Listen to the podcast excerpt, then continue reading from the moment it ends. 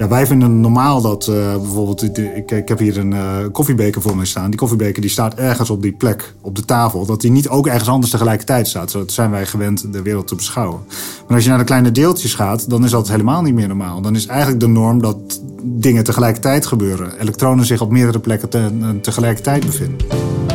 Al dus Ronald Hansson, hoogleraar kwantumfysica aan de Technische Universiteit Delft en wetenschappelijk directeur van QTech. In de wereld van Harry Potter kon het al. Maar ook Ronald Hansson wist in meerdere opzienbarende experimenten afzonderlijke deeltjes zodanig aan elkaar te koppelen dat ze zich gedroegen als één deeltje, ook al zaten ze meer dan een kilometer uit elkaar. Deze zogeheten verstrengeling is een belangrijke voorwaarde voor de werking van toekomstige kwantumnetwerken, die niet te kraken of af te luisteren zijn. Ronald Hansson kreeg voor zijn fundamenteel onderzoek een Spinoza-premie. Bezoek onze website of volg ons op Twitter en Facebook voor meer verhalen uit de wetenschap. Mijn naam is Karin van den Boogaard. Welkom Ronald Hansson in de podcast van Wetenschap Nu. Dankjewel.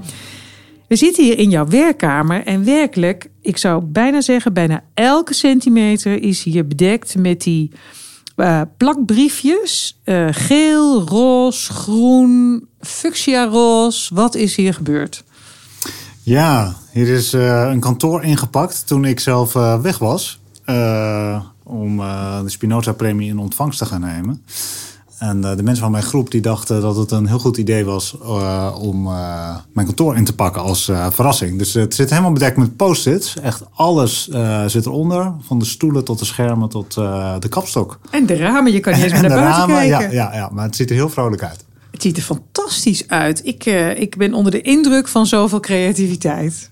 Jij ook toen je terugkwam? Ja, ja, ja, zeker. Ja. Nou, ik kon mijn kantoor niet in, want ze hadden ook de, de deur was geblokkeerd. Dus ik moest eerst door de deur beuken eigenlijk. En daar hebben ze nog een mooi filmpje van gemaakt. En toen, uh, toen zag ik dat mooie schouwspel. Ja, ja, heel erg mooi. Blijkbaar waren ze heel erg trots en heel erg blij. Ik denk het wel. Ja, dat moet bijna wel.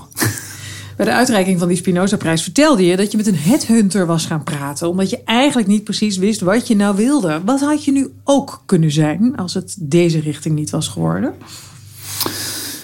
Uh, nou, dat was uh, toen ik, uh, ik denk, 22 jaar was.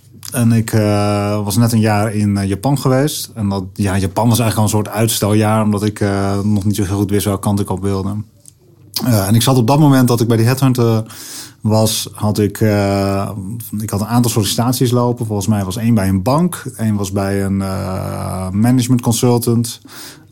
dus het zat eigenlijk heel erg in het bedrijfsleven te kijken. En dan, ja goed, had, het had heel veel andere kanten op kunnen gaan. Je had zomaar Misschien. bankier kunnen zijn. Had gekund, ja. En waarom is het dan toch dit geworden? Nou ja, omdat die uh, bewuste manier, en ik weet niet of hij dat door had op dat moment, omdat hij mij uh, een goede vraag stelde aan de hand van, uh, nou ja, eigenlijk mijn cv en wat, ja, dingen die ik had gedaan. Dus wij hadden nog niet gesproken, dat was ongeveer de eerste vraag die hij stelde. En hij zei, ja, waarom ga jij niet promotieonderzoek doen? Om dat maar even uit de weg te ruimen, zeg maar. maar daar kwamen we niet voorbij. Nee, dus, dus dat is het uh, ook ja. geworden. Dus dat is het toen geworden, ja. Er staat al een hele rij prachtige prijzen achter je naam. Nu dan ook de Spinoza. Wat betekent die voor je? Nou, de Spinoza is denk ik de, de hoogste onderscheiding die je in Nederland kan krijgen als wetenschapper. Dus het is uh, wel uh, een ultieme prijs. Het is echt een enorme waardering. Um, en dus ook denk ik wel in die zin een, een leven voor en leven na de Spinoza. Oh ja, is het zo'n waterscheiding? Ja, ik denk het wel. Want het is een. Uh, kijk, die experimenten uh, waarvoor ik die prijs heb gekregen, die, heb ik, die zijn natuurlijk allemaal gebeurd. En je weet dat wel. En weet ik wel op zich al wat de waardering daarvoor is, hoe mensen naar kijken. Maar het is toch. Spinoza zo groot dat dat. Uh, ja, dat is toch wel een heel bijzonder moment op het moment. Ja, dat je dat. Je hoort dat je door ja, de rest van de wereld. Want het wordt eigenlijk internationaal uh, checken ze of je, uh, waar je staat en of je in aanmerking voor die prijs. Dat, dat ja, de, rest van de wereld denkt dat jij uh, daar hoort te staan. Dat is, is toch wat anders dan dat je misschien blij bent met het experiment dat je zelf aan het doen bent. Ronald Hansson is hoogleraar kwantumfysica aan de TU Delft, wetenschappelijk directeur van QTech. Kreeg een Spinoza-premie dit jaar. Was die heel blij mee, hebben we net gehoord. Met al die waardering en die eer. En toch ook die bevestiging. Um, ja, je gaat nu eh, praten met een Alfa die een 3 voor natuurkunde op haar rapport had. Eh, vroeger op de middelbare school. Uh, dus dit wordt best een lastig gesprek, denk ik. Meer voor mij dan voor jou. Want ik heb bij de uitreiking gezien dat jij wat je hier doet heel goed op een bazaal niveau kunt uitleggen. Maar eerst, ik las ergens dat jij het principe huldigt dat fundamentele vragen leiden tot nieuwe ontdekkingen, die leiden tot nieuwe toepassingen. Dat lijkt me nou de essentie van wetenschappelijk onderzoek. Nou, niet per se. Ja, wetenschappelijk onderzoek, uh, het is ook het is om te weten. En soms wil je weten om te weten. Uh, zonder dat je al een, een toepassing of zo in je hoofd hoeft te hebben. of, of moet hebben. Dus ik denk dat het voor heel veel onderzoek niet opgaat dat er al een toepassing is. En misschien ja, het komt het er ook wel nooit. De dingen die wij willen weten over sterrenstelsels die hier miljarden lichtjaren vandaan staan ja, uh, het zou kunnen zijn dat we er ooit iets uh, nuttigs uh, mee kunnen. Maar ik denk ook dat we gewoon die kennis willen hebben. We zijn gewoon nieuwsgierig. Dus het is, ik denk niet dat het altijd zo is. Maar ik vind het fijn dat de dingen die ik doe, dat, die, dat er eigenlijk twee kanten aan zitten. Want er zit en het hele fundamentele. Daar gaan we het zo over hebben, denk ik. Ehm, maar ja, aan de andere kant ook dat je zoiets heel fundamenteels, dat dat ook weer een toepassing kan hebben. Die mogelijk heel ingrijpend is. Dus ik, ik vind het mooi dat die beide kanten in mijn onderzoek zitten. Jouw mede-Spinoza-laureaat Amina Helmi heb ik al gesproken, sterrenkundige. Die was bijna boos over de vraag die je ook altijd krijgt. Wat kan je er nou mee? Heb jij dat ook? Ik snap wel dat zij daar boos over wordt, ja. ja. en het is ook wel iets van, uh, van deze tijd volgens mij. Dat, uh, ja, weet je, de Spinoza-premies zijn natuurlijk gewoon voor uh, ontzettend goed onderzoek. En veel onderzoek is, is gewoon nieuwsgierigheidsgedreven. Volgens mij is dat prima. Ik steun Amina. Dat is de basis natuurlijk. Jij steunt Amina, daar zal ze blij mee zijn. Daar zal ze zeker heel blij mee zijn. Pas veel later blijkt welke toepassingen mogelijk zijn. Daar gaf Amina ook het voorbeeld van, hè, van wifi. Wat zou de quantumcomputer ons kunnen brengen? Als je even in het wilde weg uh, vooruit kijkt. Ja, het, het, het bijzondere denk ik van de quantumcomputer is dat het zo'n fundamenteel nieuwe technologie is dat we, dat is één ding zeker weten, dat wij niet weten wat we er allemaal uh, mee gaan doen. En er zijn natuurlijk talloze andere voorbeelden waarbij dat ook zo is gegaan. De laser werd uitgevonden, het was een oplossing zonder een probleem. Um, maar, uh, ja, zo werd het toen omschreven. Um, en misschien om dat uh, even te duiden, misschien moet ik iets vertellen over die quantumcomputer. Heel graag. Het, de, al onze informatie- en communicatietechnologie, alle computers, al het internet, je telefoon. Uiteindelijk als je het helemaal naar het laagste niveau gaat, dan uh, breng je het terug tot nulletjes en eentjes. Er worden bits noemen we dat, de, de kleinste eenheid van informatie. En dit, is, die kan maar twee waarden hebben, 0 of 1. En alles gaat eigenlijk is, is versturen van bits. Heen en weer en, en het verwerken van bits. Alles wat wij doen. Um, wat wij nou proberen te doen met kwantumtechnologie, uh, en dat is zowel quantum internet als quantum uh, computing, is dat die fundamentele eenheid te gaan veranderen. Dus we zeggen, we gaan niet meer werken met een bit die alleen die twee waarden kan hebben, 0 of 1. Maar we doen dat nu met een kwantummechanische versie daarvan. En we weten uit de regels van de kwantummechanica, misschien moet ik het straks even over hebben, um, dat er meer mogelijk is dan alleen de twee uiterste waarden. Uh, en de kwantummechanica zegt nee, je kan ook die twee waarden tegelijkertijd hebben. En dat is een heel ja, veel rijkere manier om er naar uh, te kijken. Uh, een rijkere manier van we weten uh, op het laagste niveau dat het, dat het zo is. Dat hebben we de afgelopen nou ja, eigenlijk honderden jaren steeds beter en beter begrepen.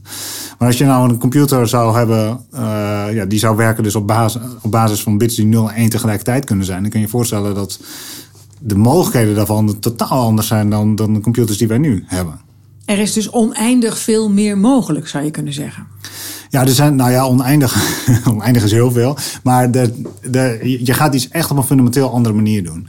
Uh, en om een, uh, een voorbeeld te geven van we nu al wel weten wat het, waar het kan helpen. En wat ook een van de initiële motivaties was om een quantumcomputer te bouwen. Is dat de hele natuur is opgebouwd volgens die kwantumrekenregels. Dus ja, wij vinden normaal dat uh, bijvoorbeeld, ik, ik heb hier een uh, koffiebeker voor mij staan. Die koffiebeker die staat ergens op die plek op de tafel. Dat die niet ook ergens anders tegelijkertijd staat. Zo zijn wij gewend de wereld te beschouwen. Maar als je naar de kleine deeltjes gaat, dan is dat helemaal niet meer normaal. Dan is eigenlijk de norm dat dingen tegelijkertijd gebeuren. Elektronen zich op meerdere plekken te, tegelijkertijd bevinden. Dus die deeltjes die kunnen dan hier voor jou hier op tafel zijn. En uh, daarachter, achter jou is het, ja, meter achter jou is het raam. Ja. En daar ook. Ja, ja.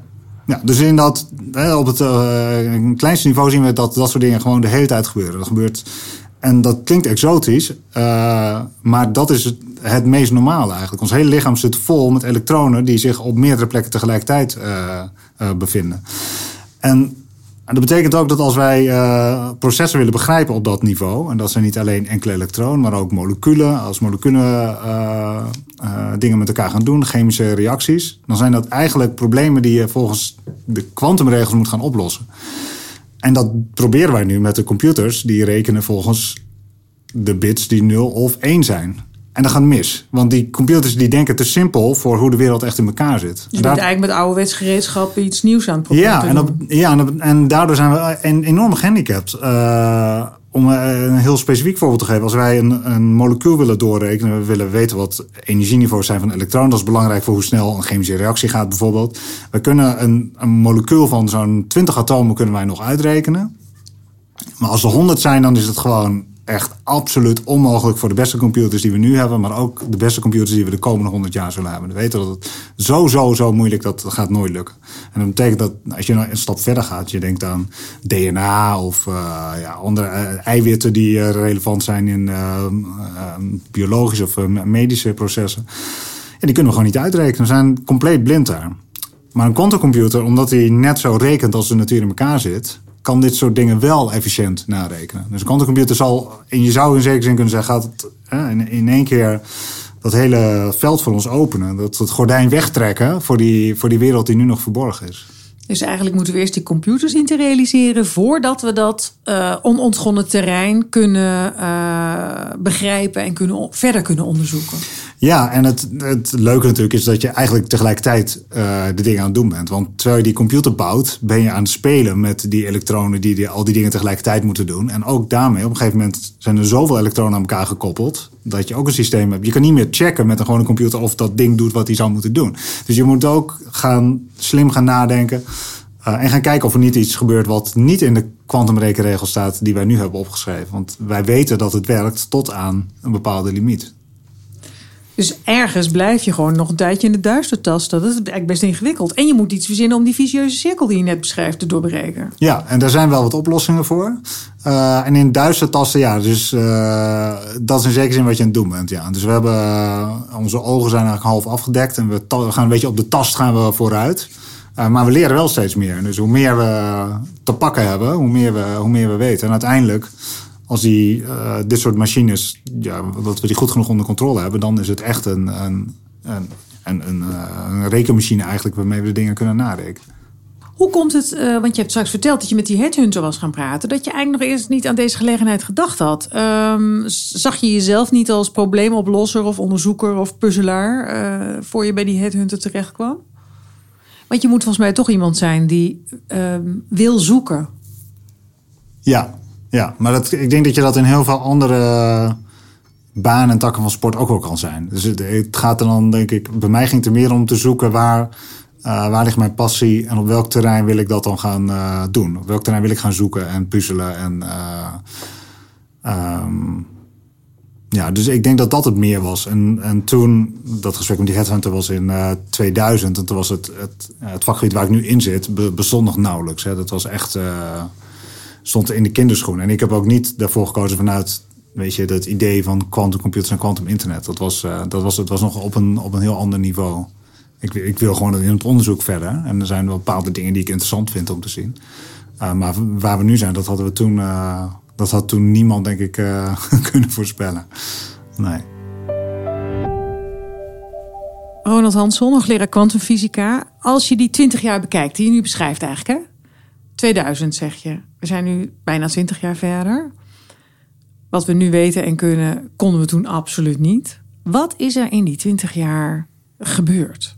Kan je dat eens beschrijven? Hoe, dit, hoe heeft dit vakgebied zich weten te ontwikkelen? Ja, het is begonnen met uh, mensen die uh, ideeën hadden, concepten. Van uh, goh, als je die kwantumrekenregels nou eens even zou gaan toepassen om te gaan communiceren. En wat, wat zou er dan gebeuren? Gewoon heel vrijdenkend van, oké, wat gebeurt er dan? En het steeds meer en meer werd duidelijk uh, ja, dat je dan gewoon een hele nieuwe echt fundamenteel nieuwe informatie- en communicatietechnologie krijgt met ongekende mogelijkheden. Dat was, ik denk in 2000 was het wel al zo'n, ja, weet je, een, een idee dat dat zou kunnen, maar het was lang niet zo duidelijk zoals het nu is. En misschien, ik denk eigenlijk over 20 jaar dat we ook zeggen, ja, 20 jaar geleden was het nog niet zo duidelijk als het nu is. Het wordt steeds meer duidelijk. Wat heeft het vakgebied, laat ik het dan zo zeggen, wat heeft het enorm vooruit geholpen? Welke uh, ontdekkingen? Ja, dus eigenlijk als als je kijkt naar uh, waar we twintig jaar geleden waren en waar we nu zijn. Twintig jaar geleden was echt uh, de eerste experimenten dat je uh, echt naar, naar één elektron tegelijk kon kijken bijvoorbeeld. Het was echt van, we kunnen nu dankzij nieuwe nanotechnologie... dus er waren allemaal nieuwe experimentele technieken die kwamen op... en die zijn steeds meer verfijnd de laatste twintig jaar. Zijn we waren steeds meer in staat om uh, die deeltjes die, waar we naar willen kijken, die we willen controleren, om die hem te isoleren van, van de rest. Want ze moeten, als ze allemaal wisselwerking hebben met de rest, dan allemaal ruizen. En dan, dan kan je die, die mooie kwantumdingen, die, die zie je dan niet. Dus het is ook een, een kwestie van goed isoleren. Um, en toen was het echt ja, het begin van, oh ja, misschien kan je dan met, met één elektron uh, kan je dan vastpakken. Die kan je ergens opsluiten. En eigenlijk mijn promotieonderzoek ging daar heel erg om. Dus toen hebben we uiteindelijk waren we met twee gevangenisjes voor, uh, te, voor twee elektronen. Dat was eigenlijk, uh, daar eindigde het ongeveer mee. Dat je twee elektronen op een chip, nou hier zit er één, daar zit er één. Daar kon we wel een beetje mee spelen, maar dat, dat was het ongeveer. Um, en, maar van daaruit steeds verder. Dus dan, oké, dan heb ik die elektronen en dan wil ik dan gaan, uh, gaan kijken wat, wat dat kwantumgedrag is. Hoe kan ik dat dan controleren? Um, en er is de hele tijd een spanningsveld tussen aan de ene kant moeten die deeltjes uh, losstaan van, van, van uh, hun omgeving. Dus moeten eigenlijk niet voelen in welke omgeving ze zitten, want dat verstoort het kwantumgedrag. Aan de andere kant willen wij er wel naartoe, want we willen die, die elektronen gaan controleren. We willen eh, hen laten doen wat wij willen. Dus aan de ene kant wil je erbij, en aan de andere kant moeten ze los van de rest van de wereld. En dat is een hele grote uitdaging, en die, die, die blijft in dit uh, vakgebied. Maar waar we, waar we zoveel beter in zijn geworden, dat we dat nu in plaats. Dus twintig jaar geleden kon je dan naar één elektron tegelijk kijken, en nu kunnen we elektronen verstrengelen over een afstand van een kilometer. Dus het is, ja, dat is een enorme uh, vooruitgang natuurlijk. En, en ja, we zeggen wel eens, we hebben nu volledige controle. Maar ja, het is nog niet volledig, want het, het is nog steeds maar... Ja, het is maar, maar een kilometer. En dat zijn dan in dit geval twee uh, die uit elkaar zitten. Ja. Dus nou ja, goed. Uh, en, en ik denk dat de komende twintig jaar zal, ja, gaat dit natuurlijk verder uh, spelen. Dus om, die, om echt die grote absolute controle te krijgen... kom je elke keer weer nieuwe uitdagingen tegen. Die moet je allemaal gaan oplossen. Verstrengeling van twee elektronen over één kilometer. Je weet dat dit voor alfa's als akabakadabra klinkt. Hè? Misschien ook voor een aantal ja. mensen die dit horen. Leg dat eens uit. Ja, verstrengeling uh, is een fenomeen dat uh, wordt voorspeld door de kwantumrekenregels.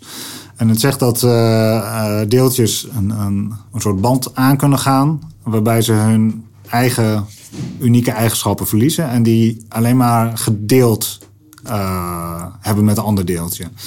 Um, ik geef in, in praatjes vaak het voorbeeld van uh, twee deeltjes. Die hebben dan een kleur. Eentje is rood en eentje is wit. En als je die dan zou verstrengelen, dan kan je van de individuele deeltjes niet meer zeggen of ze rood of wit zijn. Ze hebben geen eigen kleur meer. Maar je weet nog steeds, er is één stuk rood en er is één stuk wit. Maar dat is op een of andere manier zit dat. Het is een eigenschap van de twee deeltjes samen geworden. Um, en dat blijft bestaan als je deeltjes uit elkaar haalt. Dus er zit geen afhankelijkheid van afstand in. En, en dat maakt in zekere zin ook gek. Want ja, je zou zeggen, als zoiets gebeurt in een atoom, ergens heel klein in mijn lichaam, ja, weet, uh, wat maakt dat nou uit? Dus misschien klinkt het gek, maar het zal wel. Maar als je deeltjes heel ver uit elkaar hebt, dan krijg je hele gekke dingen. Want als je dan uh, de deeltjes gaat meten en je, je laat ze kleur bekennen, zeg maar. Dus moeten, dan moeten ze rood of wit worden. Dan zeggen diezelfde rekenregels, nou ja, er is een 50% kans dat het deeltje waar je kijkt rood of wit wordt. Maar het andere deeltje gaat met 100% zekerheid de andere kleur aannemen. Want als het ene dus wit is, dan wordt de andere rood. En als het ene rood is, de andere wit. Want er was één stuk rood, één stuk wit. Toch zijn die deeltjes, ja, die zetten dan in ons experiment dat was een kilometer. Maar dat zou in principe uh, het andere eind van het universum kunnen zijn. En toch is het uh, een best wel ingewikkelde uh, term. Want verstrengeling suggereert dat ze aan elkaar zitten. Ja. Want het, in, in, het woordgebruik, hè, maar dat gaat over taal, ja. betekent verstrengeling. Als je met iemand verstrengeld bent, zit je aan elkaar. Maar hier is het juist zo dat de deeltjes uit elkaar zijn, Maar toch bij elkaar horen. Ja, dus wat, wat er verstrengeld is, is zijn eigenschappen van die deeltjes. In het voorbeeld dat ik gaf, hun kleur. Dus die kleuren zitten in elkaar gedraaid. Over, een, over een grote afstand. En, en, en ondertussen zijn ze eh, ook nog uit elkaar. Dat hoeft niet, maar dat, dat kan. Ja. Dus het is de, de, de verstrengeling gaat inderdaad over, over iets wat ze, wat ze ineens gezamenlijk delen. Waarvan je niet meer. Ja, per deeltje kan je, kan je gewoon niet, niet eens meer zeggen wat het is. Je kan niet eens meer zeggen: deze is uh, wit of rood. En dat is iets wat wij uh, helemaal niet gewend zijn. Want wij zijn uh, gewend aan de wereld waarin ja, objecten gewoon bepaalde eigenschappen hebben. Mijn, net als dat kopje dat dan hier staat, die staat daar en die is wit en die is, uh, nee, is niet gevuld met koffie op dit moment, et cetera, et cetera, et cetera. Kunnen we beschrijven. Dan heb ik niet, om dit kopje hier te beschrijven, heb ik niet ook de beschrijving van een kopje een kilometer verderop nodig. Die zijn los van elkaar. Maar goed, de kwantumwereld laat zien dat uh, dat dus niet algemeen geldig is. Dit is een, in de, de limiet waarin wij leven, om het zo maar te zeggen. Onze grote wereld lijkt het altijd zo goed te werken, dat gaat goed. Maar ja, je kan dus experimenten doen waar, uh, die laten zien dat het niet is hoe de natuur in elkaar zit. Nee. Um, en je moet dus ook op een heel ander niveau gaan denken. Want kijk, als je tegen mij, mij zegt van ja, maar dit ene deeltje kan ook verderop, een kilometer verderop wezen. Ja. En uh, als je bij de hele vraag gaat uitleggen, kijk ja. ik je aan en ik denk, nou, uh, schiet mij maar lek. Ja. Maar je moet op een heel ander niveau gaan denken eigenlijk. Want anders snap je het niet. Ja. Snap je het echt? Ja, dus dat is de, de, de goede vraag. Dus die, wat we hebben zijn die rekenregels. Uh, en we snappen de wiskunde van de rekenregels. En, en dus die kan je toepassen. En die zeggen dan, ja, dit is wat er gebeurt. En dat deeltje is daar. Dus dat, dat kan. En we kunnen experimenten ontwerpen waarin we die rekenregels testen en gebruiken. En dat, nou, dat klopt dan allemaal. Uh, dus in die zin snappen we het. We snappen, we snappen het omdat we kunnen voorspellen wat er gaat gebeuren. Uh, maar jij stelt die vraag ook omdat snappen dat de ander, een andere betekenis heeft van heb je er een intuïtie voor voor wat er gebeurt? En het is zo tegenintuïtief dat uh, ja, het, het, is maar de vraag of wij ooit die, die, die echte intuïtie halen. Dus mensen die hier lang in zitten krijgen wel een intuïtie ook voor de wiskunde. Dus je krijgt ook wel een gevoel voor wat er gaat gebeuren. Maar als je echt gaat nadenken, bijvoorbeeld met die twee verstrengelde deeltjes van ja, maar hoe kan het dan als ik het ene deeltje dan meet dat dat dan meteen iets gebeurt heel ver weg. Hoe, wat is dan? Dan gaan wij zoeken naar een mechanisme dat dat. Ja, dan moet daar een signaaltje naartoe of ze moeten aan elkaar vastzitten. Weet je, dan, dan zoek je naar zoiets. En dat, ja, dat gaat je nergens naartoe leiden. Want de rekenregels zeggen dat dat er niet is. Nee. Dus, dus, in, dus in die zin, ja, die oplossingen die wij graag zoeken, omdat wij, ja, zo zijn wij gewend dat de wereld, in de wereld zoals wij hem beleven, is dat altijd zo. Er gebeurt daar iets, nou ja, dat heeft dan ergens een oorzaak gehad of zo, die, die zoek je. En die is er niet in de kwantumwereld. Dus ik weet ondertussen dat ik niet hoef te zoeken. Dus, dus die, die, die uh, vraag uh, komt bij mij dan uh, niet meer op. Maar mensen die hier voor het eerst mee in aanraking komen, die, die, die zitten daar heel erg mee. Van ja, maar, maar waarom dan? En hoe kan dat dan gebeuren? En zo. En dat zijn, ja, gek genoeg, dat zijn vragen die je eigenlijk niet kan stellen. Want er is geen antwoord op. Nee, precies. Daar moet je ze denk ik ook niet stellen. Je, je moet eigenlijk op een vrij abstract niveau hiermee om kunnen gaan. Want anders, anders dan gaat het dus niet. Anders blijft dat intuïtieve altijd de overhand houden. En dat kan je natuurlijk niet hebben. Ja, nou ja, goed. Het is natuurlijk altijd wel gezond om vragen te stellen. Alleen je, je komt uh, in dit geval uh, kom je tegen een muur aan. Uh, en nou, dat is ook wel weer het leuke van die experimenten die we nu kunnen doen. het is niet alleen, je ziet niet alleen de muur in de wiskunde, maar je kan een experiment doen. wat laat zien dat er een muur dat daar een muur is. Dus ja, je kan het wel proberen, maar je experiment laat al zien dat bepaalde verklaringen gewoon niet, niet kloppen. Die, die kun je gewoon helemaal uitsluiten. Jij bent directeur van QTech hier in Delft. Hoe lang bestaat QTech? Uh, nu uh, iets meer dan vijf jaar. Heb jij zelf opgericht? Uh, ik samen met drie andere hoogleraren. Ehm, tenminste, ik, laat ik het anders zeggen. Dus wij stonden met z'n vier aan de basis. Het onderzoek wat wij deden vormde de basis van het instituut. Maar het instituut is natuurlijk opgericht door de TU Delft en TNO. Met steun van het ministerie van Economische Zaken onder andere en NWO. Um, maar ik ben, was er vanaf het begin af aan uh, bij, inderdaad. Ja. Wat is het belang dat dat hier in Delft ook echt heeft kunnen gebeuren? Was het bijna een soort. Nou ja, hoort het bij de TU Delft, vind jij? Nou, dat weet ik niet. Ik denk dat het de. Uh, de er was een kans. Uh, en er was een uh, besef bij de, de, vier mensen, waaronder ik dus, uh, zo'n zes, zeven jaar geleden, dat als wij een volgende stap willen zetten in dit veld, als we echt denken van ja, we willen kijken of wij in ieder geval eerste versie van zo'n quantumcomputer of quantum internet willen maken. Als, als wij dat echt serieus willen, dan moeten we ook beseffen dat wij dat niet kunnen. wij zijn de vier waren allemaal natuurkundigen en wij kunnen een experiment doen in een lab. Wij kunnen geen technologie bouwen. En we kunnen ook, en dat is wel heel belangrijk voor dit veld, dus extreem uh, multidisciplinair. Er zit niet alleen natuurkunde in, maar er zit ook uh, computerwetenschappen in, uh, wiskunde, en, elektrotechniek. Um, je moet al die ehm, disciplines moet je eigenlijk bij elkaar brengen om dan om stappen verder te gaan komen.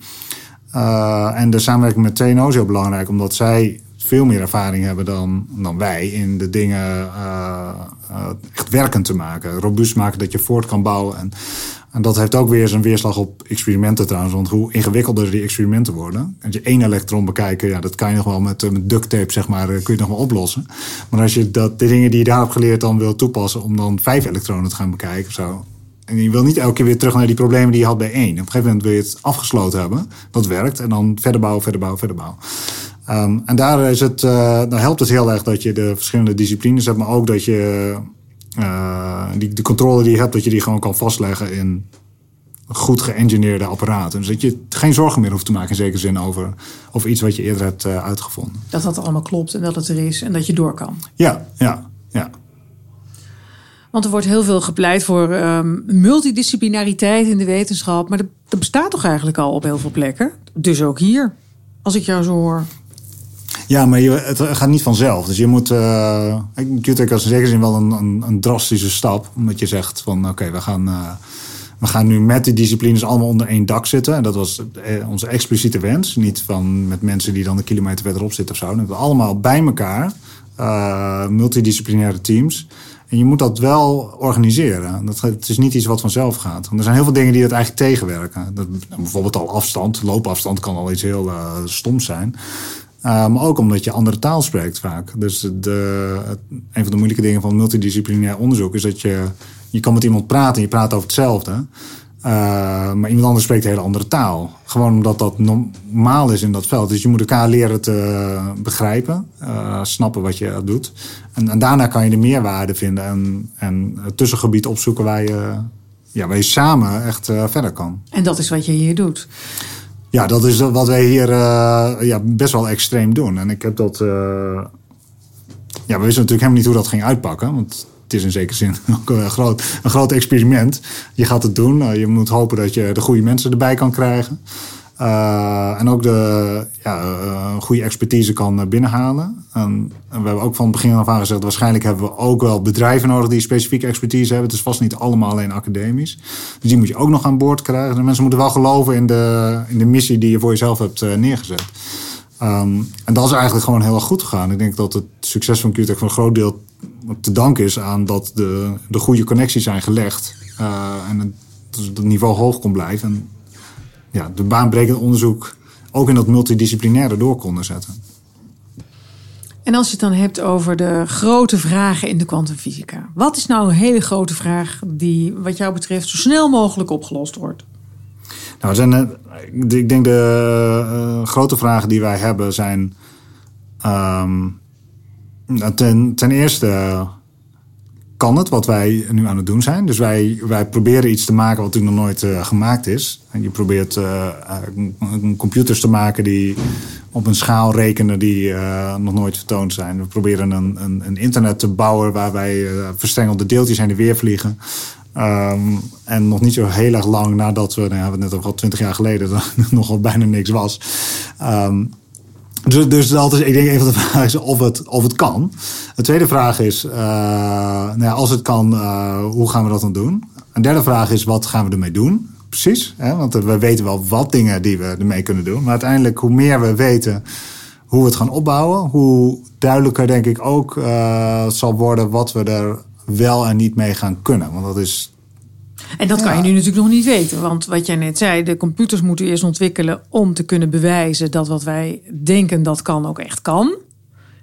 En daarna volgt er nog bij wijze van spreken een heel scala aan mogelijkheden waar we eigenlijk nog niks van weten. Dus het zijn drie hele verschillende dingen. Ja, dus we kunnen wel, uh, om het even te, te, nuanceren, ik denk dat we kunnen wel uh, theoretisch uh, laten zien dat het kan. De, de, de, de, basisprincipes, maar dat betekent niet dat je het kan maken.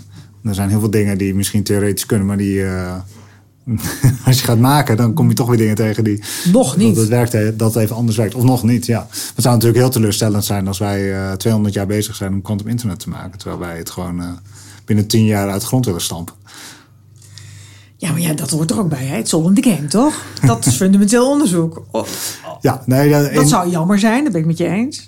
Nou, je, je kan het ook omdraaien eigenlijk. Want als, als dat zo zou zijn, uh, dat zou ook betekenen dat er iets is wat we nu niet weten. Dus dan, dan komen we iets tegen wat uh, zo belangrijk is dat het, dat het uh, ja, zo'n invloed heeft op het onderzoek. Maar dat, dat moet dan ook iets heel fundamenteels en, en interessant zijn. Dus dat in die zin uh, zou de, die vertraging, wat ik net zei, dus eigenlijk niet waar. Dus die, die vertraging zou natuurlijk ook wel weer uh, heel interessant kunnen zijn. Want je, het betekent gewoon dat je iets heel spannends hebt geleerd. Tot slot, 2,5 miljoen Spinoza, Ronald Hansson. Um, wat ga je ermee doen? Mag je er iets voor jezelf persoonlijk van kopen eigenlijk? Nee, dat mag niet. Dus het is echt, uh, het is echt uh, geld bestemd voor onderzoek. Um, uh, en dat is ook goed, denk ik. Het is natuurlijk ook, uh, in, in, in, zekere zin krijg je het voor wat je hebt gedaan, maar het is ook een soort aanmoediging naar de toekomst toe. Hè? Dus dat MBO geeft het geld aan mensen waarvan ze vertrouwen dat die daar iets leuks en interessants mee kunnen gaan doen, zonder dat ze daar geld voor hoeven aan te vragen. Um, nou ja, ik ga een gedeelte van mijn geld gebruiken voor het onderzoek waar we het over hebben gehad. Dat zal zeker zijn. ik wil ook een gedeelte gebruiken om wetenschap in bredere zin te gaan versterken. En daar heb ik al wat ideeën voor opgehaald. Ik dacht, weet je, ik kan zelf wel in een hoekje gaan zitten en allemaal hele slimme dingen bedenken. Maar ik kan ook gewoon kijken of ja, waar andere mensen mee komen. De creativiteit van anderen aanboren. Dus ik heb hier in ons instituut een competitie uitgeschreven. En iedereen kon ideeën aan, aandragen. Dus ik heb heel veel e-mails op teruggekeken. Moet ik, moet ik nog doorheen, want we hebben net de uitreiking gehad. Maar ja, er zit zeker wel wat tussen. Ja. En wat zou dat kunnen zijn? Uh, niet specifiek dus op dit gebied, maar daaraan gelieerd. Of meer uh, de kwantumfysica bekender, maar breder bekend maken? Of waar denk je aan? Nou, ik heb een paar dingen bekeken. Dat gaat echt van uh, outreach tot jonge mensen stimuleren... tot beter bekendmaken met kwantum... tot diversiteit stimuleren. Tot is, het is heel breed eigenlijk. Ja, er zit, er zit wel wat tussen, denk ik. Ja. Nou, dat gaan we dan horen wat het gaat worden. Zeker. Graag. Misschien komt het nog in een vervolgaflevering uh, aan bod. En dan is die 2,5 miljoen wel op, denk ik. Ja, ja, als je wil kan je hem opmaken in een week volgens mij. Maar een beetje voorzichtig gaan. Dankjewel, Ronald Hansson. Graag gedaan. Voor een gesprek met een echte alfa. Die er bijzonder veel plezier aan heeft beleefd. Dankjewel. Wil je meer gesprekken uh, horen met de overige Spinoza-laureaten, zeg ik tegen de luisteraars die dit hebben beluisterd. Abonneer je dan op onze podcast. Die is te vinden in iTunes, Stitcher, Soundcloud en Spotify. En daar zijn ook die andere Spinoza-laureaten. Yvette van Kooik, Amina Helmi en Bas van Bavel. En de Stevin-laureaten Andrea Evers en Jack Pong te horen. Met de plannen voor hun besteding van die 2,5 miljoen. Laat weten wat je van de podcast vindt. Dat kan via onze kanalen Facebook en Twitter. En dan zeg ik zoals altijd, dank voor het luisteren.